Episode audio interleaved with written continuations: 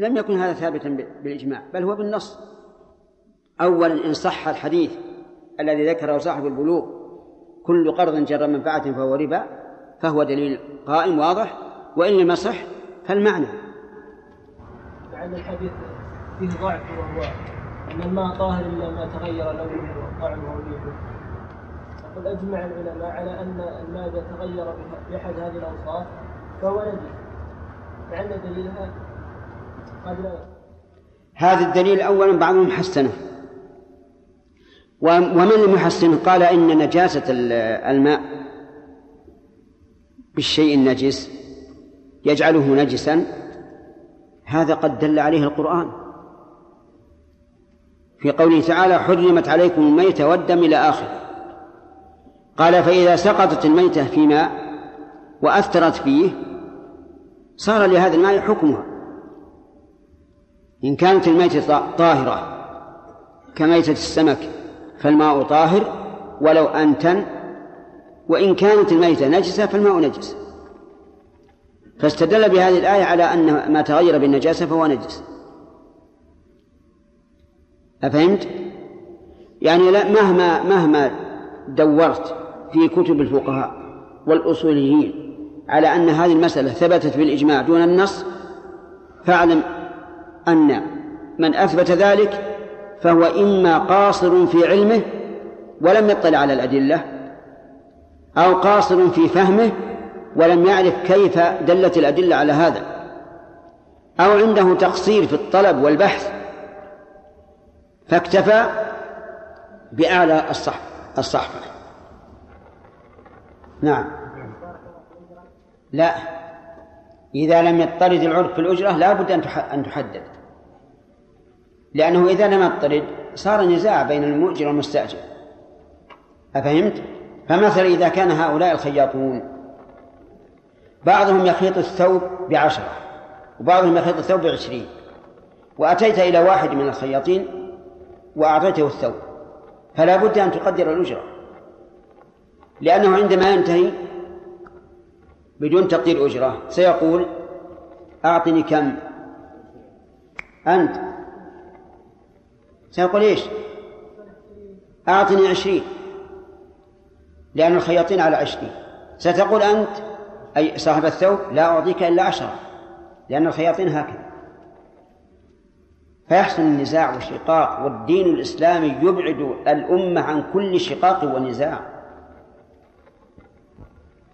ما جعل الدين إلا للائتلاف والأخوة. فالمهم إذا لم يضطرد العرف وجب التحديد والتعيين لئلا يقع النزاع. تقول انتهى الوقت؟ من غير أن يشهد لها أصل شرعي. أن يشهد. من غير أن من غير أن يشهد لها أصل شرعي. وهو إما ضروري لقتل الكافر المضل وعقوبة المبتدع الداعي. حفظا للدين والقصاص. بسم الله الرحمن الرحيم. سبق لنا أن الأدلة الواضحة أربعة فقط وهي الكتاب والسنة والإجماع والقياس الصحيح. وما عدا ذلك فليس بدليل سواء سميته استصلاحا أو استحسانا. لأننا نقول إن شهد الشرع لهذا بالإصلاح فالدليل الشرع وإن لم يشهد له بالإصلاح فهو باطل.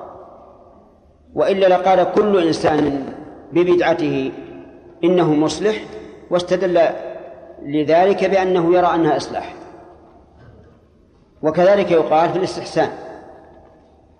فالمرجع يا إخواني المرجع إلى الكتاب والسنة والإجماع والقياس. والمتفق عليه بين المسلمين شيئان فقط. أقول بين المسلمين عموما الكتاب والسنة وبعضهم أنكر الإجماع وقال أصلا لا يوجد إجماع فضلا عن أن يكون دليلا.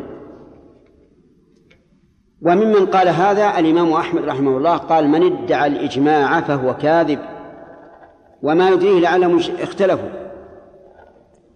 لكن الإمام أحمد رحمه الله أراد بذلك ما يدعيه أهل البدع فيقولون هذا إجماع أهل التحقيق وما أشبه هذا.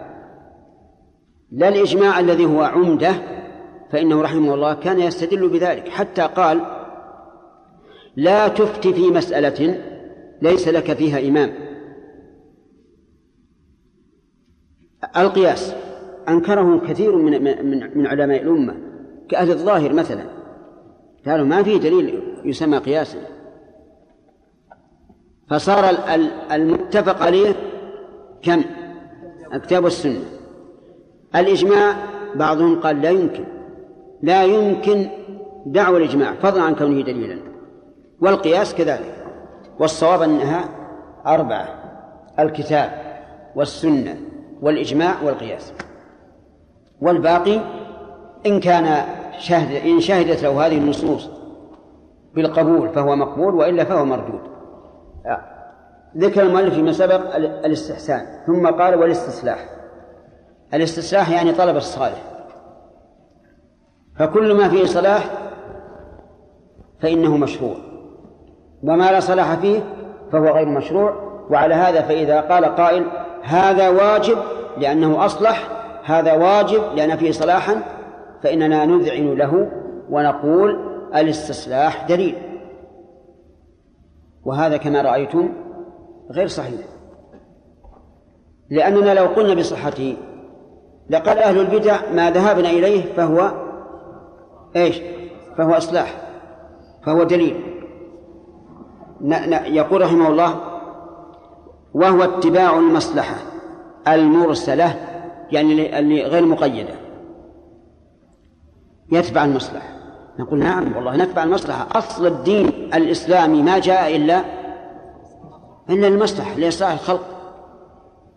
لكن متى يثبت أن هذا مصلحة؟ الأمر ليس لأهوائنا يعني من يحقق المصلحة في هذا الشيء؟ يقول رحمه, رحمه الله المرسلة من جلب منفعة أو دفع مضرة من غير أن يشهد لها أصل شرعي. جلب منفعة أو دفع مضرة هذا مصلحة لا شك. وقول من غير أن يشهد لها أمر شرعي هذا فيه نظر ظاهر. لأن الأمر الشرعي يدل على كل مصلحة فيأمر بها وكل مفسدة فينهى عنها. اسمع الآية الكريمة. إن الله يأمر بالعدل والإحسان وإيتاء ذي القربى وينهى عن الفحشاء والمنكر والبغي. آية جامعة مانعة. فكل ما فيه مصلحة ما لا نقول إنها بلا دليل شرعي نقول فيها دليل شرعي. أن الله أمر بها بالعدل إيش؟ والإحسان. فهذا النفي من المؤلف فيه نظر. لكن هو والله أعلم تبع من سبقه. وما أكثر ما يقلد الفقهاء والوصيون بعضهم بعضا حتى إن بعضهم ينقل العبارة بنفسها. لكن الرجل المتحرر في فهمه لا يبالي بمثل هذا. يتبع إيش؟ الدليل أين أي أيا كان. ثم قال وهو إما ضروري كقتل الكافر المضل. هل يقال إن هذا استصلاح قتل الكافر المضل؟ أو يقال ثبت بالدليل. ثبت بالدليل.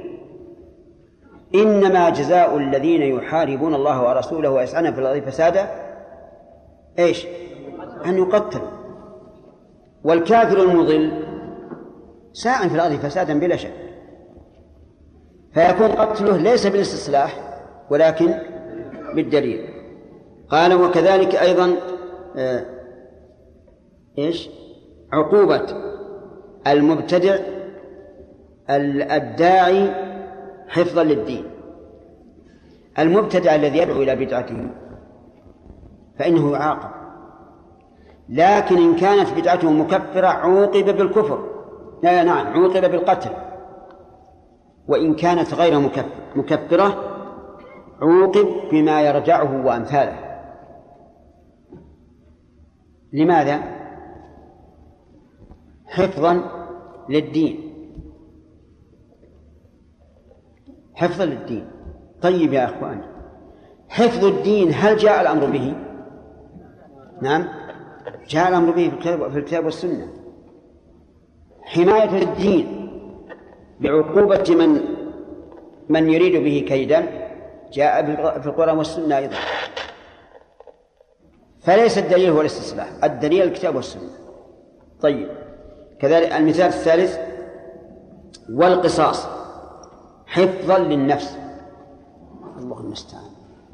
القصاص قتل القاتل عمدا. يعني إذا قتل الإنسان شخصا عمدا وتمت شروط القصاص وطالب أولياء المقتول وجب أن يقتل. أيها الإخوة هل القصاص ثبت بالدليل الاستصلاحي أو بالدليل القرآني؟ القرآني. يا أيها الذين آمنوا كتب عليكم القصاص بالقتلى الله المستعان. لكن التقليد هو الذي يجعل الإنسان لا يفكر. هو قال هذا ليس ليس ثابتا بدليل الاستصلاح بل بدليل القرآن والسنة أيضا. قال النبي صلى الله عليه وعلى آله وسلم لا يحل دم امرئ مسلم إلا بإحدى ثلاث الثيب الزاني. إيش؟ والنفس بالنفس. طيب المهم دعونا من كونها الدليل بالاصطلاح أو بالقرآن والسنة قتل قتل القاتل عمدا حفظا لإيش؟ حفظا شوف عندك حفظا للنفس حفظا للنفوس لأن القاتل إذا علم أنه إذا قتل قتل امتنع عن القتل ولهذا قال الله عز وجل ولكم في القصاص حياة لكم في القصاص حياة. شوف كلمات أربع. لو ملأت الدنيا أسفارا ما جاءت مثل هذه العبارة بوضوحها واختصارها. لكم في القصاص أفادت أن هذا عدل. حياة أفادت أن قتل القاتل يعني حياة الناس. واضح ولا غير واضح؟ واضح. لأننا إذا قتلنا القاتل امتنع عن القتل كثير من ممن أراد القتل فيكون بذلك الحياة.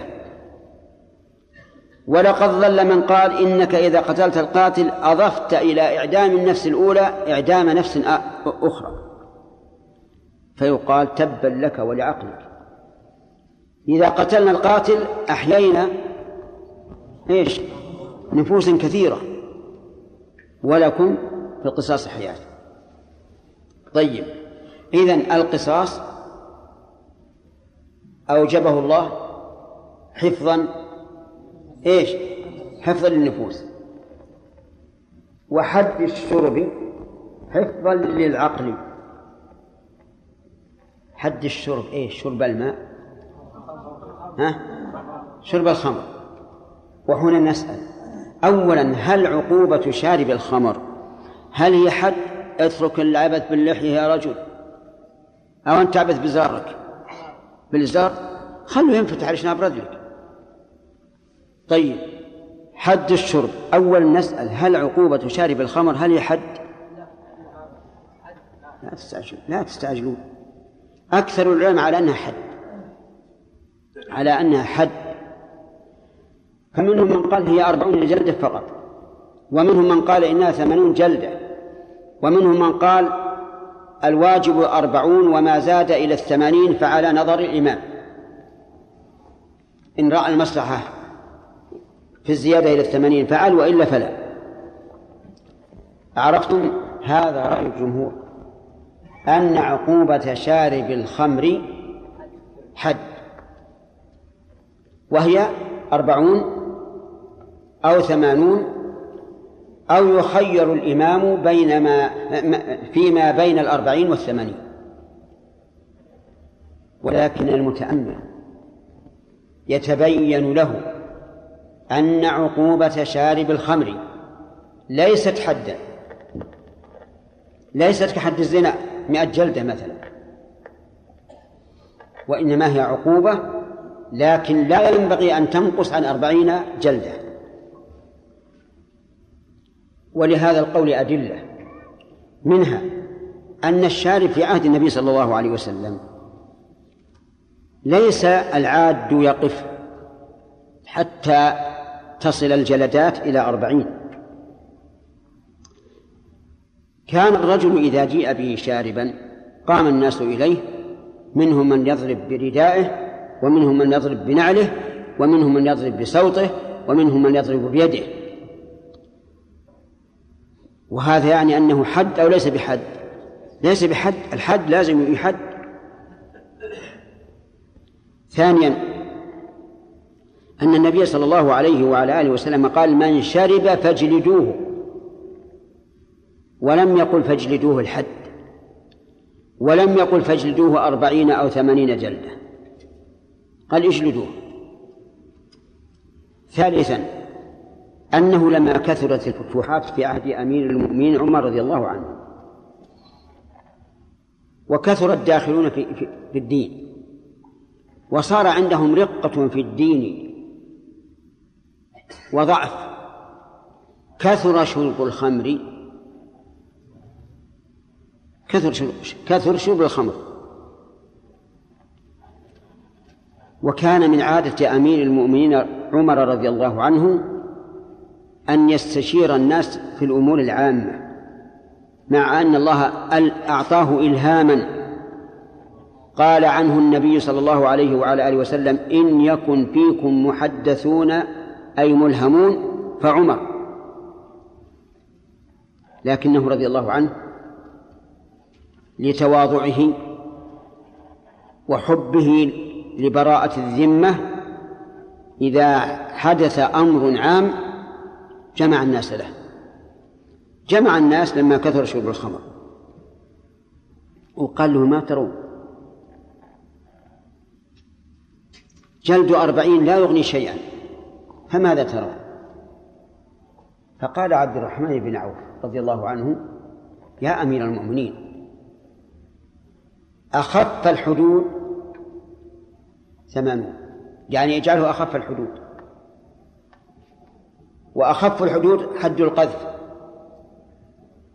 والذين يرمون المحصنات ثم لم يأتوا بأربعة شهداء فجلدوهم ثمانين جلدة. ثمانين جلدة. فرفع عمر عقوبته من أربعين إلى ثمانين. ووجه الدلالة في هذا الأثر من وجهين. الوجه الأول أنه لو كان حدا أعني لو كان جلد الشارب حدا. من يقول ما زال. ودك تجي هنا على الكرسي تحدث القوم أنه لو كان حدا ما أمكن عمر ولا غيره أن يزيد فيه ولو تكاثر. ولهذا لو كثر الزنا والعياذ بالله فإننا لا نزيد على مئة جلدة. هذه واحدة. ثانيا أن أن عبد الرحمن بن عوف قال أخف الحدود ثمانين. بمحضر الصحابة ومعهم عمر ولم ينكر عليه أحد. قال أخف الحدود. فدل ذلك على أن عقوبة شارب الخمر ليست حدا وهو الصحيح. ولهذا لو رأى ولي الأمر أن يزيدها إلى مئة فله, فله ذلك. إذا لم يرتدع الناس إلا بالزيادة. لكننا لا نرى أن تنقص عن أربعين لأنه أدنى حد كان في هذه العقوبة فتكون عقوبة شارب الخمر غير حد لكن لها إيش؟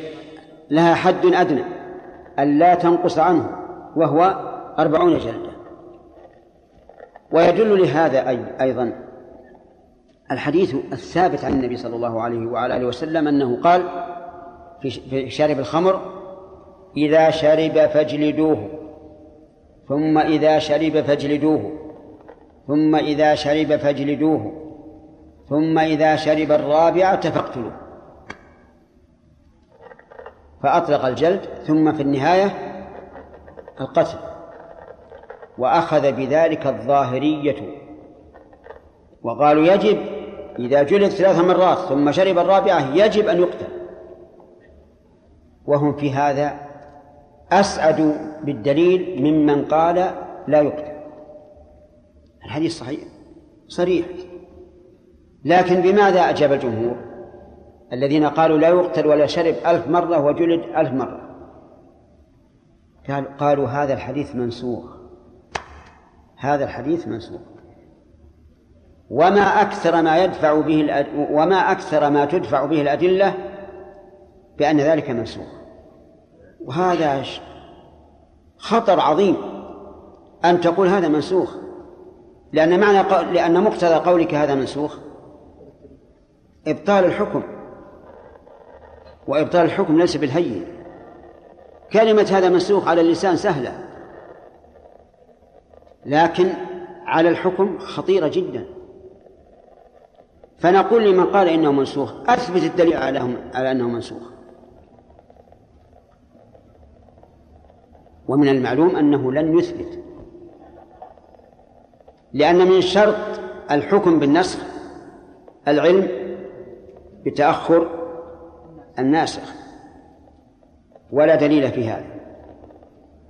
أحدثكم عن علم لا تظن أن المسألة مجرد عاطفة لا هذا هو الواقع. ما في دليل على النسخ.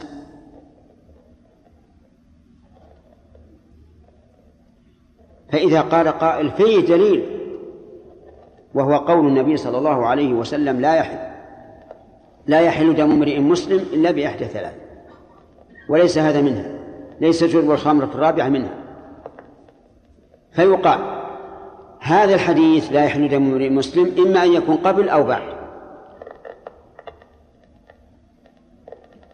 وهو عام وحديث الخمر في قتل الشارب في الرابعة إيش؟ خاص والعام يخصص بالخاص. فصار لدينا الآن قولان.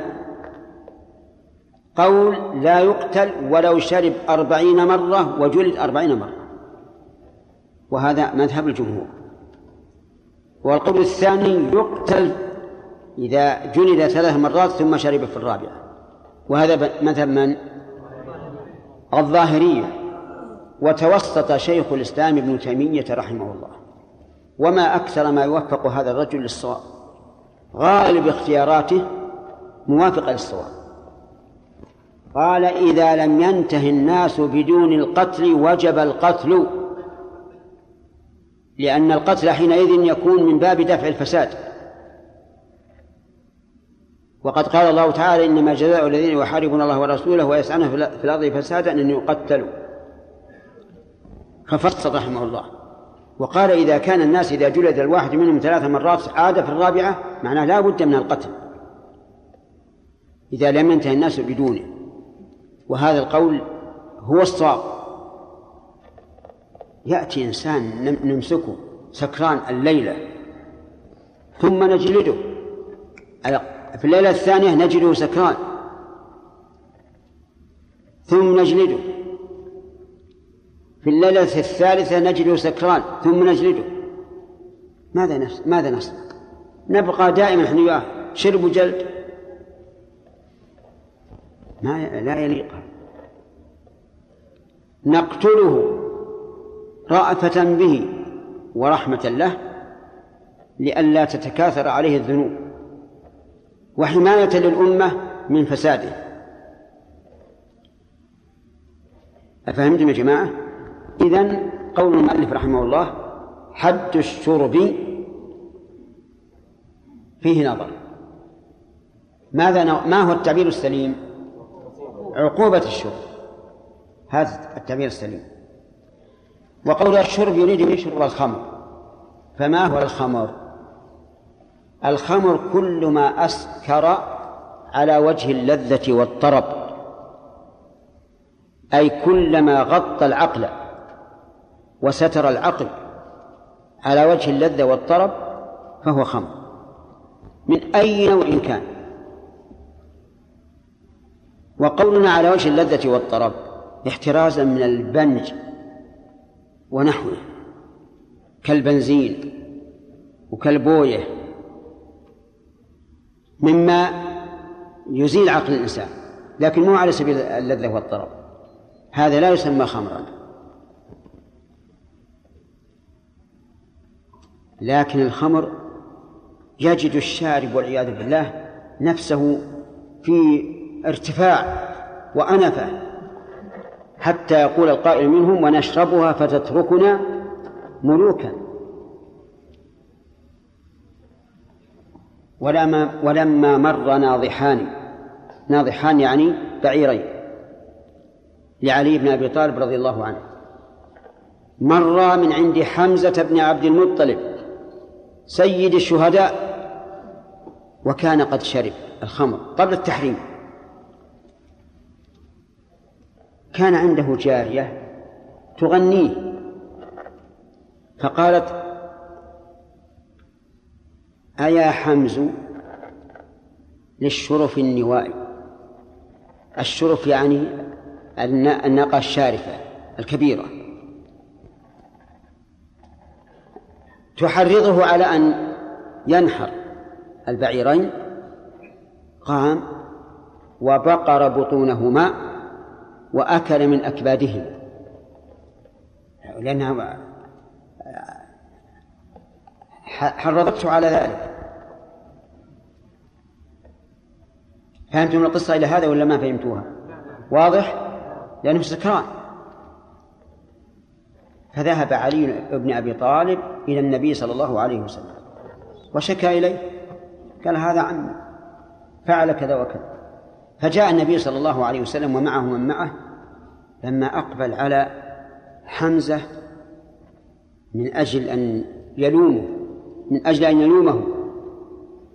قال له حمزة وهل أنتم إلا عبيد أبي؟ سبحان الله. حمزة يقول للرسول عليه الصلاة والسلام هل يمكن أن حمزة بن عبد المطلب رضي الله عنه سيد الشهداء آه، سيد الشهداء هل يمكن أن يقول هذا للرسول؟ وهو عاقل؟ لا. لما رآه النبي صلى الله عليه وعلى آله وسلم على هذه الحال تأخر وتركه. والمقصود من سياق هذه القصة أن الشارب يرى نفسه إيش؟ عاليا ورفيعا يزهو بنفسه. فهذا هو الخمر وقوله حفظا للعقل صحيح. حفظا للعقل وحفظا للتصرف أيضا. لأن إدمان شرب الخمر يضعف العقل. إذ أنه يؤثر على خلايا المخ فيضعف العقل. ولأن الشارب في حال الشرب عاقل ولا غير عاقل؟ غير عاقل. ولهذا كان الصواب أنه لو طلق لم يقع طلاق. ولو قال كلمة الكفر لم يكفر. ولو قذف شخصا لم يحد حد القذف. لكن يؤاخذ على أفعاله المتعلقة بالمخلوقين. يعني لو أن هذا الشارب في حال سكره أفسد مالا لشخص. يضمن أو لا يضمن؟ يضمن.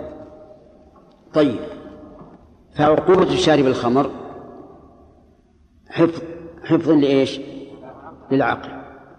ولأن الشريعة والحمد لله جاءت بحفظ العقول والأنفس والأموال والمجتمعات جانبة للمصالح دافعة للمفاسد. انتهى الوقت؟ طيب. حر بعبد؟ هي هل يقتل الحر بالعبد؟ يسأل. هل يقتل الحر بالعبد؟ أنا أسألك يا عبد الله هل العبد نفس ولا غير نفس؟ نفس العبد نفس. يباع ويشرى مثل البعير. ولو بيع واشتري. تأكد. طيب. ألم يقل الله عز وجل وكتبنا عليهم فيها أن النفس بالنفس. ألم يقل الرسول صلى الله عليه وسلم النفس بالنفس؟ نعم. ما الذي يخرجه؟ ما هي؟ الحر بالحر؟ يعني إذا قتل الحر حرا قتل به. طيب وإذا قتل عبدا؟ هذا السؤال. إذا قتل العبد حرا أسألك. قتل العبد حر. عبد قتل حرا قتل سيده. يقتل ولا لا؟ يقتل الحر بالحر والعبد بالعبد. الآية سيقت لبيان تمام المقاصة لا لأصل الوجوب. ولهذا كان القول الراجح في هذه المسألة أن الحر يقتل بالعبد. اللهم إلا من قتل عبده ومن قتل عبده ففيه حديث مرسل من قتل عبده قتلناه ومن جدع عبده يعني قطع أنفه جدعناه. فالقول الراجح أنه لا فرق. مثل ما قلت فيها كمال المقاصة فقط. نعم. أن أن المصلحة يعني الإصلاح غير معتبر. نعم نعم. نعم. فنرى أشياء يعني في زمن الخلفاء لا نرى دليل له أو لا نعرف يعني مثل جمع القرآن. مثل إيش؟ جمع القرآن. نعم أحسنت بارك الله فيك. جمع القرآن مصلحة ولا مفسدة؟ مصلحة. دل القرآن على ذلك. فقال إنا نحن نزلنا الذكر وإنا له لحافظون. إذا تفرق الناس في القرآن هل يكون هذا من أسباب حفظه أو من أسباب ضياعه؟ إذن جمع القرآن دل عليه القرآن. إنا نحن نزلنا الذكر وإنا له لحافظون. واضح؟ أصبر يا رجل حتى نكمل الجواب. واضح؟ أنا أعطيكم قاعدة. لا يمكن يوجد مصلحة حقيقية إلا ودليلها في الكتاب والسنة. لأن أصل الشريعة ما جاءت إلا للإصلاح. لكن يخفى أحيانا على على المستدل يخفى عليه الدليل أو الاستدلال ثم يقول هذا ليس به إلا المصلحة. نقول طيب المصلحة أصلها دل عليه الكتاب والسنة. إن الله يأمر بالعدل والإحسان. واضح؟ نعم. بالنسبة لجلد شارب الخمر إيش؟ جلد شارب الخمر نعم جلد شارب الخمر يكون جملة واحدة ولا؟ لا هذا فيه خلاف. هل يشترط في الجلدات سواء في القاذف أو في الزاني أو في الشارب أن تتوالى أو لا؟ بعض الناس بعض العلماء يقول لا يشترط الموالاة. الزاني يوجد مئة جلدة. اجلدوها اليوم جلدة وبكرة جلدة حتى يتم له كم؟ مئة يوم. أو اجلدوها اليوم جلدة وبعد غد جلدة حتى يتم له كم؟ ها؟ مئة يوم. أو يجلد كل يوم جمعة. كم يبقى؟ أربع سنين تقريبا. سبحان الله. لكن هذا قول في غاية الضعف. والصواب أنه لا بد من التوالي حتى يحصل الرد. والإنسان إذا كان إذا كان الصبح السلام عليكم سبح بالخير ومعك العصا. اضربه مرة إذا جاء بعد عشرة أيام وجاء لمك السلام عليكم سبح بالخير. اضربه مرة حتى يتم مئة من يقول هذا؟ لكن قالوا لما إن لما قال الله اجلدوه مع الجلدة ولم يذكر التوالي فهي مطلقة. فيقال هذا القول إذا قلنا به أبطلنا الحكمة من جلده مئة جلدة. وهي أن أن عدم الموالاة يعني عدم العقوبة. طيب نعم. إذا قلنا لابد من التوالي فإذا ثبت طبيا أن هذا الزاني لا يطيق يقول إذا قلنا بوجوب التوالي وثبت طبيا أنه لا يمكن لا يتحمل. نأتي بعصر دقيقة. أو بعذق. عذق النخلة تعرفه ولا لا؟ ونضربه به مرة واحدة.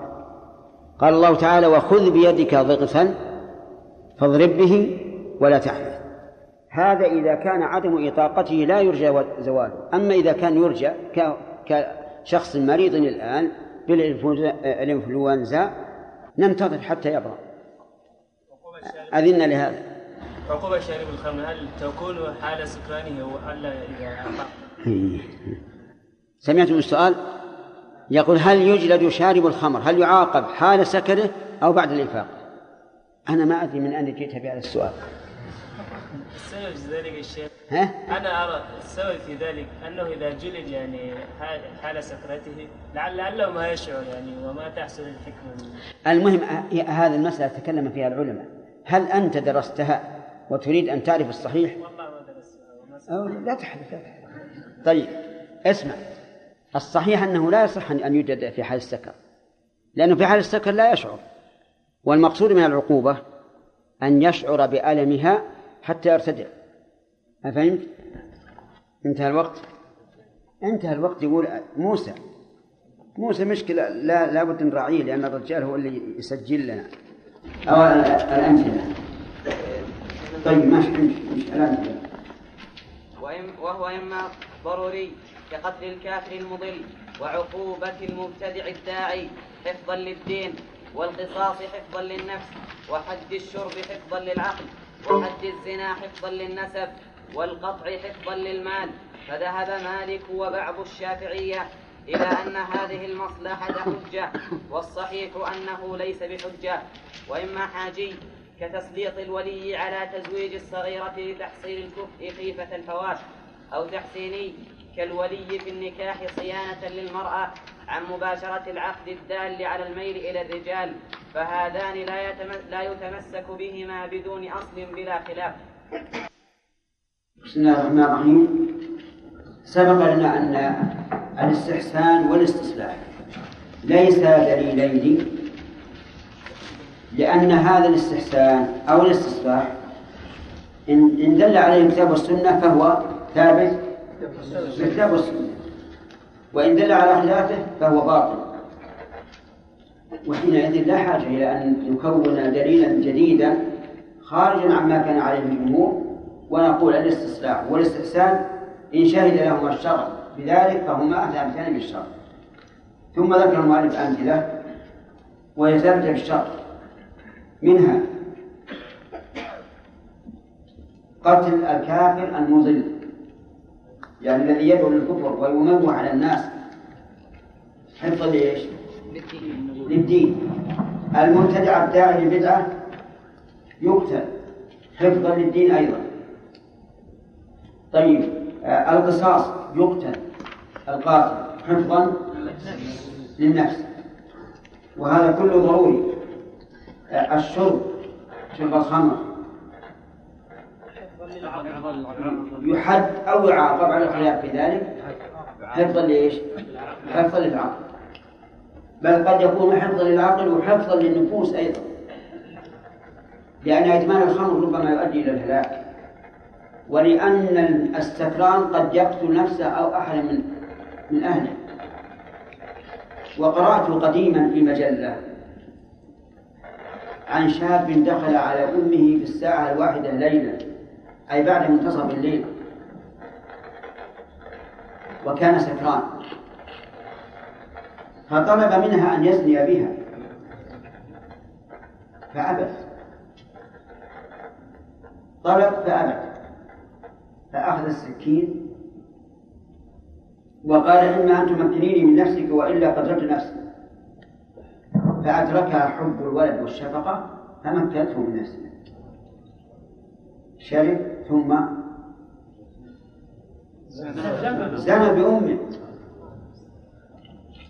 ولما أصبح وأحس بأمر. أتى إلى أمه.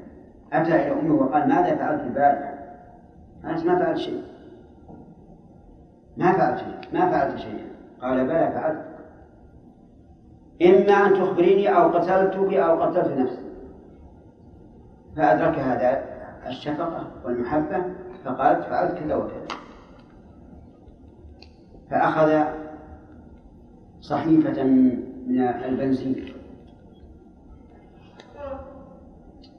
تعرف الصحيفة؟ صفحة من صحيفة صحيفة الورق. وهي تسمى عندنا الجالونة نعم والتنكة وذهب إلى الحمام وصب على على نفسه من هذا وأحرق نفسه. نسأل الله العافية. وش اللي حصل الآن؟ أنه قتل نفسه. وزنى بأمه. فنقول الشرب العقوبة عقوبة الشارب حفظا للعقل وحفظا لل- للفروج وحفظا للنفس أيضا.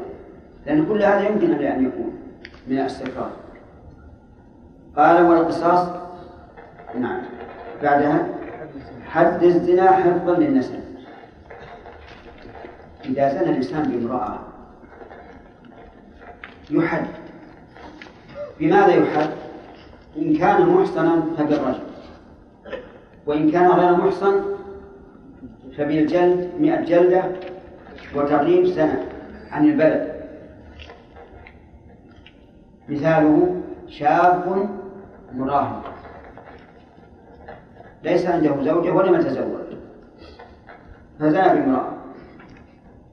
نجلده مئة جلدة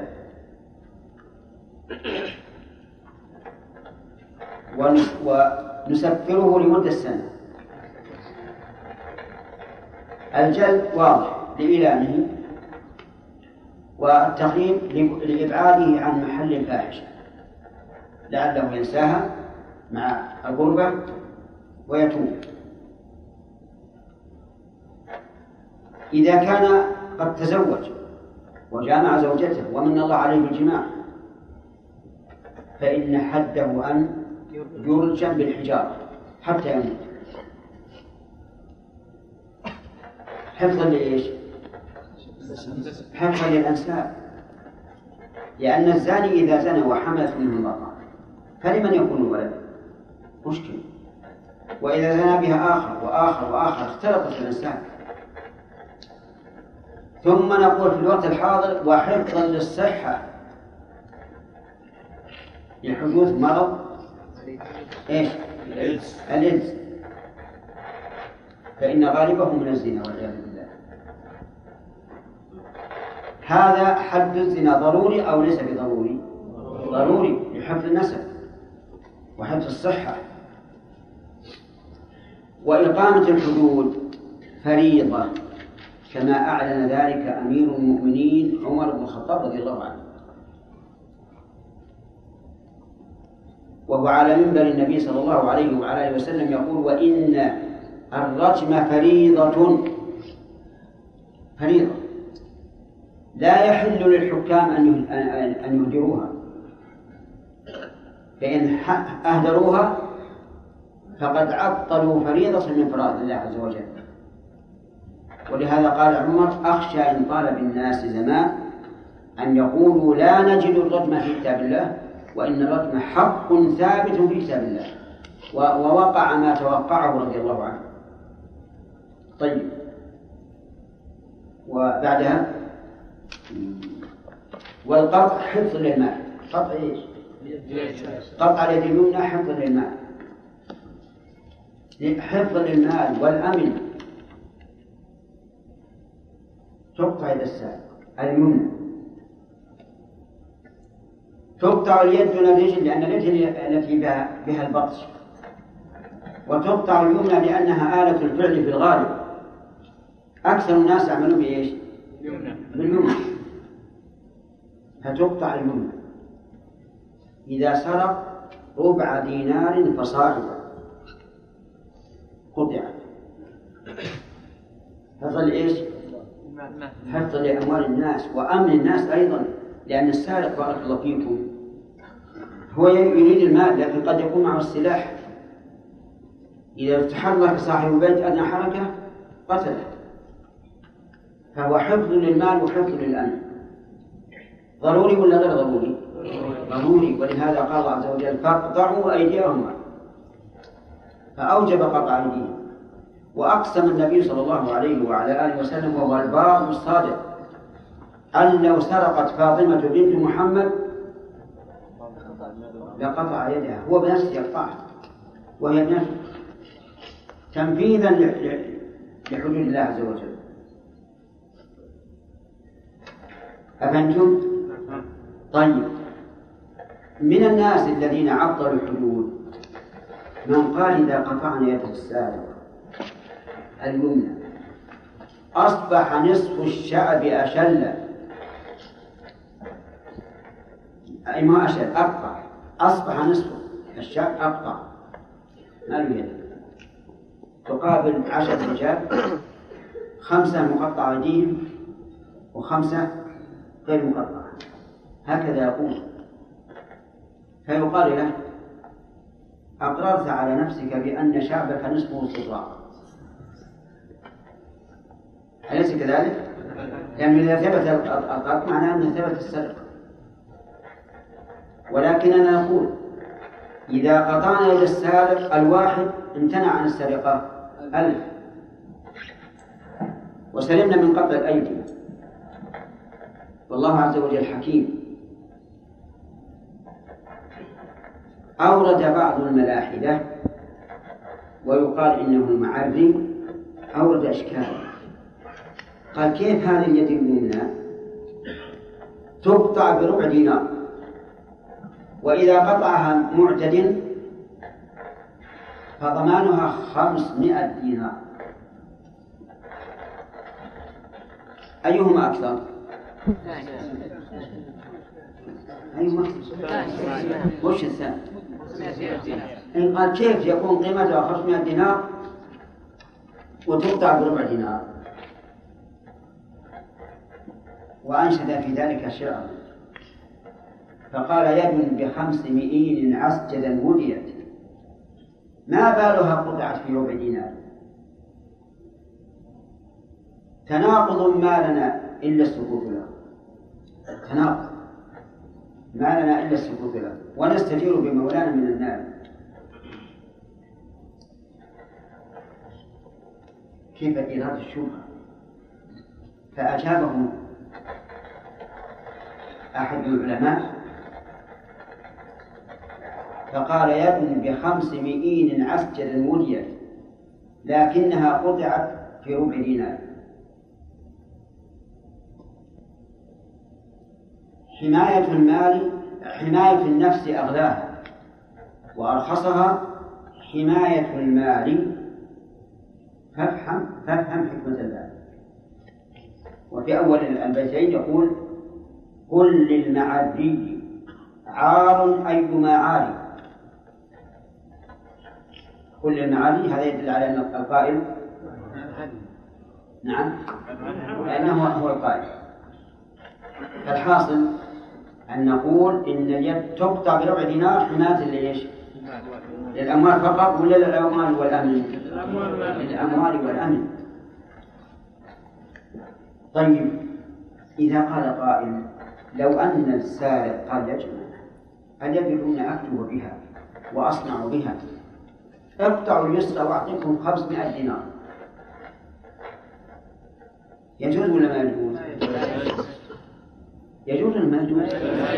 ألم تعلموا أن القائل بالاستحسان قد يقول يجوز فيقول ما يجوز لأننا نكسب 500 دينار ومن قبله هو يكسب إبقاء اليد التي التي يصنع بها ويكتب بها.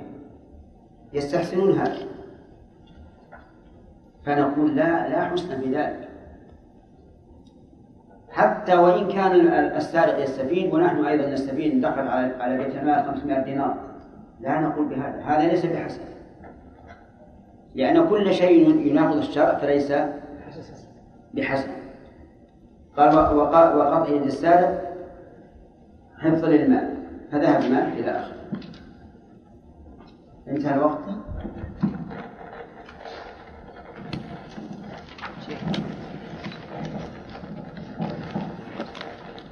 طيب إذا إذا قطعنا يد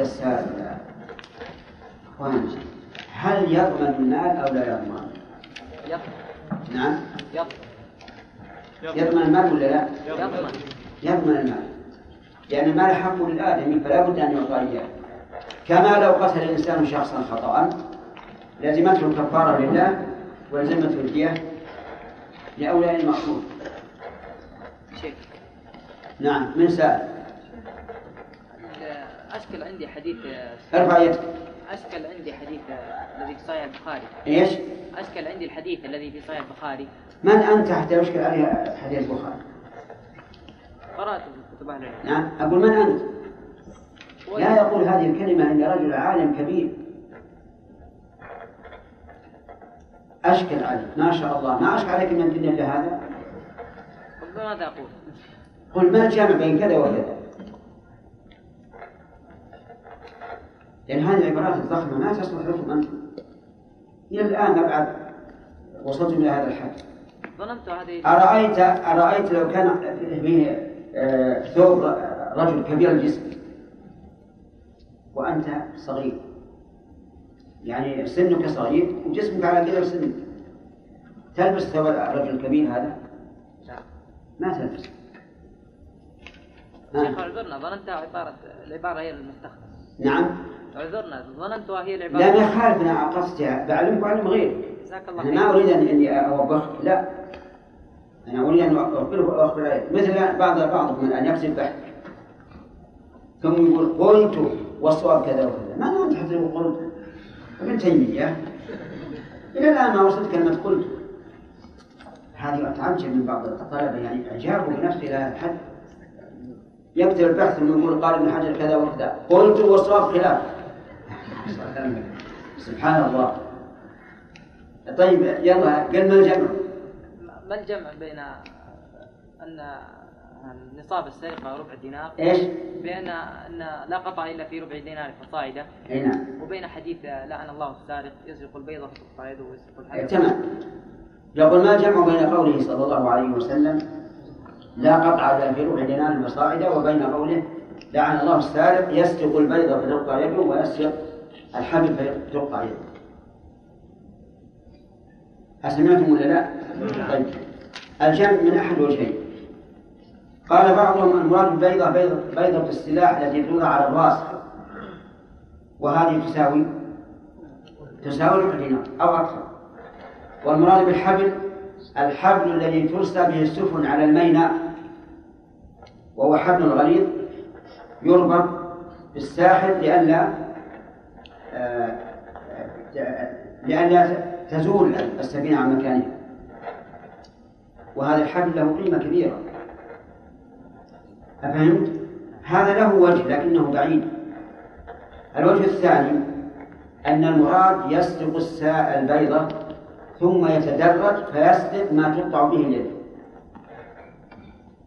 وهذا كقول من تشبه بقوم فهو منهم أي أنه يتدرج من التشبه بالظاهر إلى التشبه بالباطن.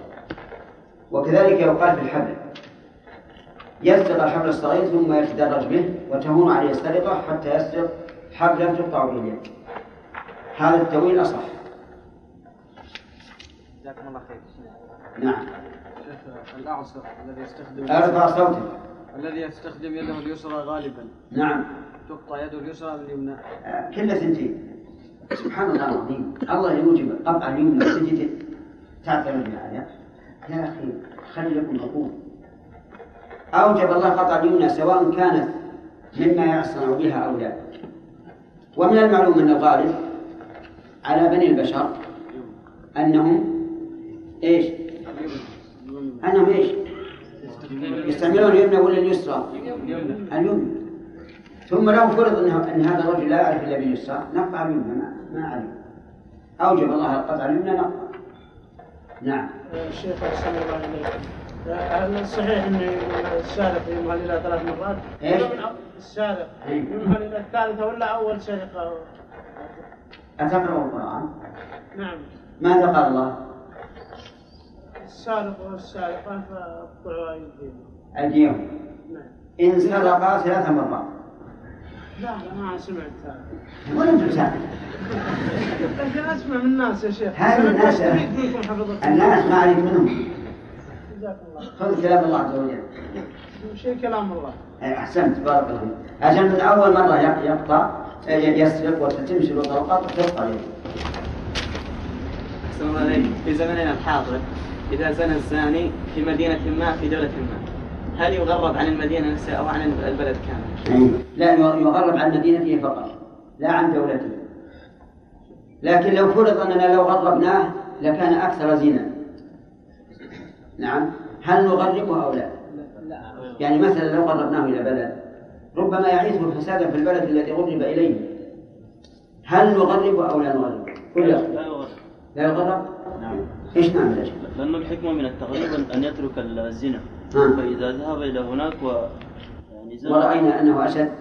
فلا يغرب إلى تلك الدولة ويغرب إلى دولة أخرى. طيب غربناه من الدولة هذه إلى دولة أخرى أكثر. يبقى في بلده الذي زنى فيه.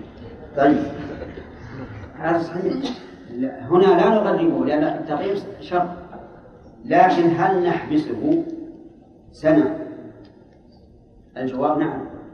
لأن الحبس في الحقيقة فيه معنى التغريب. ولا يمكن أن نطلقه حرا فيزني هذه هذه الليلة بامرأة والليلة الثانية بامرأة ثانية أو تحسيني كالولي في النكاح صيانة للمرأة عن مباشرة العقد الدال على الميل إلى الرجال فهذان لا يتمسك بهما بدون أصل بلا خلاف. ومما بسم الله الرحمن الرحيم الحمد لله رب العالمين وصلى الله وسلم على نبينا محمد وعلى آله وأصحابه ومن تبعهم بإحسان إلى يوم الدين. سبق لنا الخلاف بين الأصوليين في الاستحسان والاستصلاح.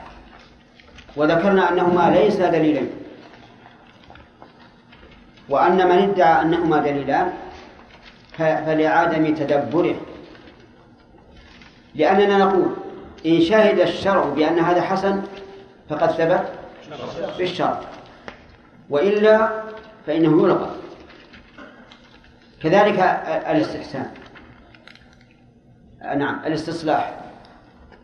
إن شهد الشرع بأن هذا مصلحة ثبت بالشرع وإلا فلا.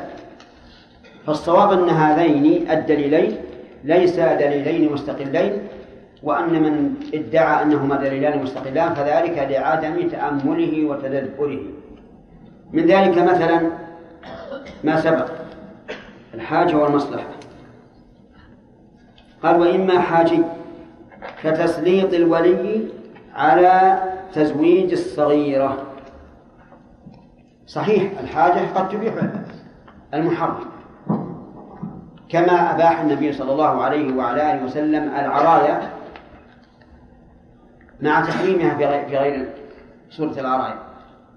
العرايا صورتها أن يكون عند إنسان تمر من العام القادم من نعم من العام الماضي. ويأتي وقت الرطب. وليس عنده نقد يشتري رطبا. وعنده تمر. فأتى إلى صاحب البستان وقال بعني ثمرة هذه النخلة بتمر. فالآن اشترى رطبا بتمر. واشتراء رطب التمر حرام. كما قال النبي صلى الله عليه وعلى آله وسلم حين سئل عن بيع التمر بالرطب قال أينقص إذا جف قالوا نعم. قال فلا إذا. هذه أباحتها الحاجة. ولا شك أن الحاجة تبيح المحرم خصوصا ما ما ما حرم للوسيلة فإنه يباح عند الحاجة. أما المثال الذي ذكره المؤلف كتسليط الولي على تزويج الصغيرة. فلنسأل أولا من هو الولي؟ الذي يزوج الصغيرة بدون رضاها. الجواب هو الأب. غيره لا يمكن أن يزوج. ثم نقول هل هذا مسلم؟ أن الأب يزوج ابنته بمن لا ترضاه ويكرهها عليه. فالجواب لا. الجواب لا. خلافا لما ذهب إليه كثير من العلماء. كثير من العلماء يقولون إن للولي أن يجبر ابنته على أن على أن تتزوج بمن لا تريد. والقول الراجح المتعين الموافق للدليل والتعليل أنه لا يجوز أن يجبرها لقول النبي صلى الله عليه وعلى آله وسلم لا تنكح البكر حتى تستأذن. وقال البكر يستأذنها أبوها أو قال يستأمرها أبوها. فنص على البكر ونص على الأب. فلا يحل لأحد أن يزوج ابنته من لا تريد زواجه. حتى لو قالت إنها لا تريد النكاح أصلا لا يجوز أن يجبرها. يتركها. متى شاءت زوجناها. وعلى هذا فتمثيل المؤلف. بهذا المثال مبني على قول مرجوح وهو أن للأب أن يزوج ابنته بمن لا تريد كرها عليها فهمت الكلام ولا لا؟ ما هو القول الراجح؟ أنه ليس له ذلك وبناء عليه لا يصح التمثيل بما ذكره بما ذكره نمثل بقضية العرايا العرايا إنسان فقير ما عنده دراهم وعنده تمر من العام الماضي وأتى إلى صاحب البستان وقال بعني ثمرة هذه النخلة بهذا الرطب فهذا جائز. جائز بشروط. هل هو ضروري أو حاجي؟ نعم. حاجي. إذ لا ضرورة إلى أكل الرطب يستطيع أن يقتات بالتمر. قال لتحصيل الكبء خيفة الفوائد لتحصيل يعني معناها العلة أننا قلنا للولي أن يجبر زوجته من أجل أن لا يفوت الكفر كيف؟ إيش؟ ابنته أم زوجته؟ ابنته عندك زوجته؟ كذا تسديد الولي على تزويج الصغيرة البنت. المهم أن أن أن نقول إذا ك... إذا إذا كنتم تقولون إنه يجبرها لئلا يفوت الكفر. فالجواب عن هذا أن لا نعصي رسول الله صلى الله عليه وسلم خوف فوات الكفر. لأنه إذا فات الخاطب الكفء الآن أتى الله بإيش؟ بكفء آخر. وربما يكون الكفء الثاني الذي امتنعنا من تزويج المرأة إلا برضاها خيرا من الأول لأننا تركنا الخاطب الأول تركناه لله ومن ترك شيء لله عوضه الله خيرا منه.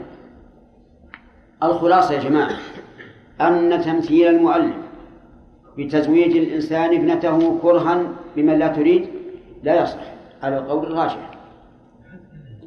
والتعليل بأنه يصح لأن لئلا يفوت الكفر. تعليل عليل. لأن نقول إذا فات الكفر هذا الخاطب أتى الله بكفر آخر. بل ربما يأتي الله بكفر خير منه ما دمنا منعناها من, من, من هذا لئلا نكرهها. قال المؤلف رحمه الله تعالى نعم. أو تحسيني. كالولي في النكاح. يعني أو الاستصلاح تحسيني كالولي في النكاح صونا للمرأة عن مباشرة العقد الدال على الميل إلى الرجال. هذا أيضا يقول المؤلف رحمه الله اشتراط الولي في النكاح أمر تحسيني. وفي هذا نظر ظاهر. بل هو أمر ضروري وليس بحاجة أيضا ضروري. لأن النبي صلى الله عليه وعلى آله وسلم قال لا نكاح إلا بولي. والحديث صحيح وظاهر في أن النكاح لا يصح. فكيف نقول إن الولي تحسيني وليس ضروري وليس ضروريا؟ بل هو ضروري. وليس المراد باشتراط الكفر لئلا تباشر العقد بل المراد لئلا تتسرع فتخدع ويتزوجها من ليس بكفر. ظاهر كلام المؤلف أنه اشترط الولي لئلا تباشر المرأة في العقد وهذا غير صحيح. شرع الولي في النكاح لئلا تتسرع المرأة فتنخدع فتتزوج بمن ليس أهلا للتزوج بها. وعلى هذا فالمثال صحيح ولا صحيح؟ غير صحيح. لأن هذا من باب الأمر الضروري. قال آه نعم. آه، الميل إلى الرجال بعده. فهذان لا لا يتمسك بهما بدون أصل بلا خلاف. صحيح كلام المؤلف صحيح. أن لا لا لا نتمسك بهما بدون أصل من الكتاب أو السنة. ثم قال المؤلف وأصله التقدير. يقال قاس الثوب بالذراع يعني قدره به. قاس الأرض بالميل يعني قدرها به. فهذا هو هذا الأصل في في القياس لغة أنه مأخوذ من من التقليد أما شرعا أو اصطلاحا قال وهو حمل وهو حمل فرع على أصل في حكم لجامع بينهما. حمل فرع وهو المقيس. على أصل وهو المقيس عليه. في حكم وهو الإيجاب أو التحريم أو غير ذلك من الأحكام. التكليفية أو الوضعية الرابع لجامع بينهما وهو العلة. العلة الجامعة بين المقيس والمقيس عليه. إذن فأركانه أربعة. مقيس مقيس عليه حكم علة المقيس يسمى فرعا والمقيس عليه يسمى أصلا. والحكم حكم إما وضعي أو أو, أو تكليف. والعلة هي المعنى المناسب للحكم. المعنى المناسب للحكم. مثال ذلك الخمر محرم. العلة. الإسكار.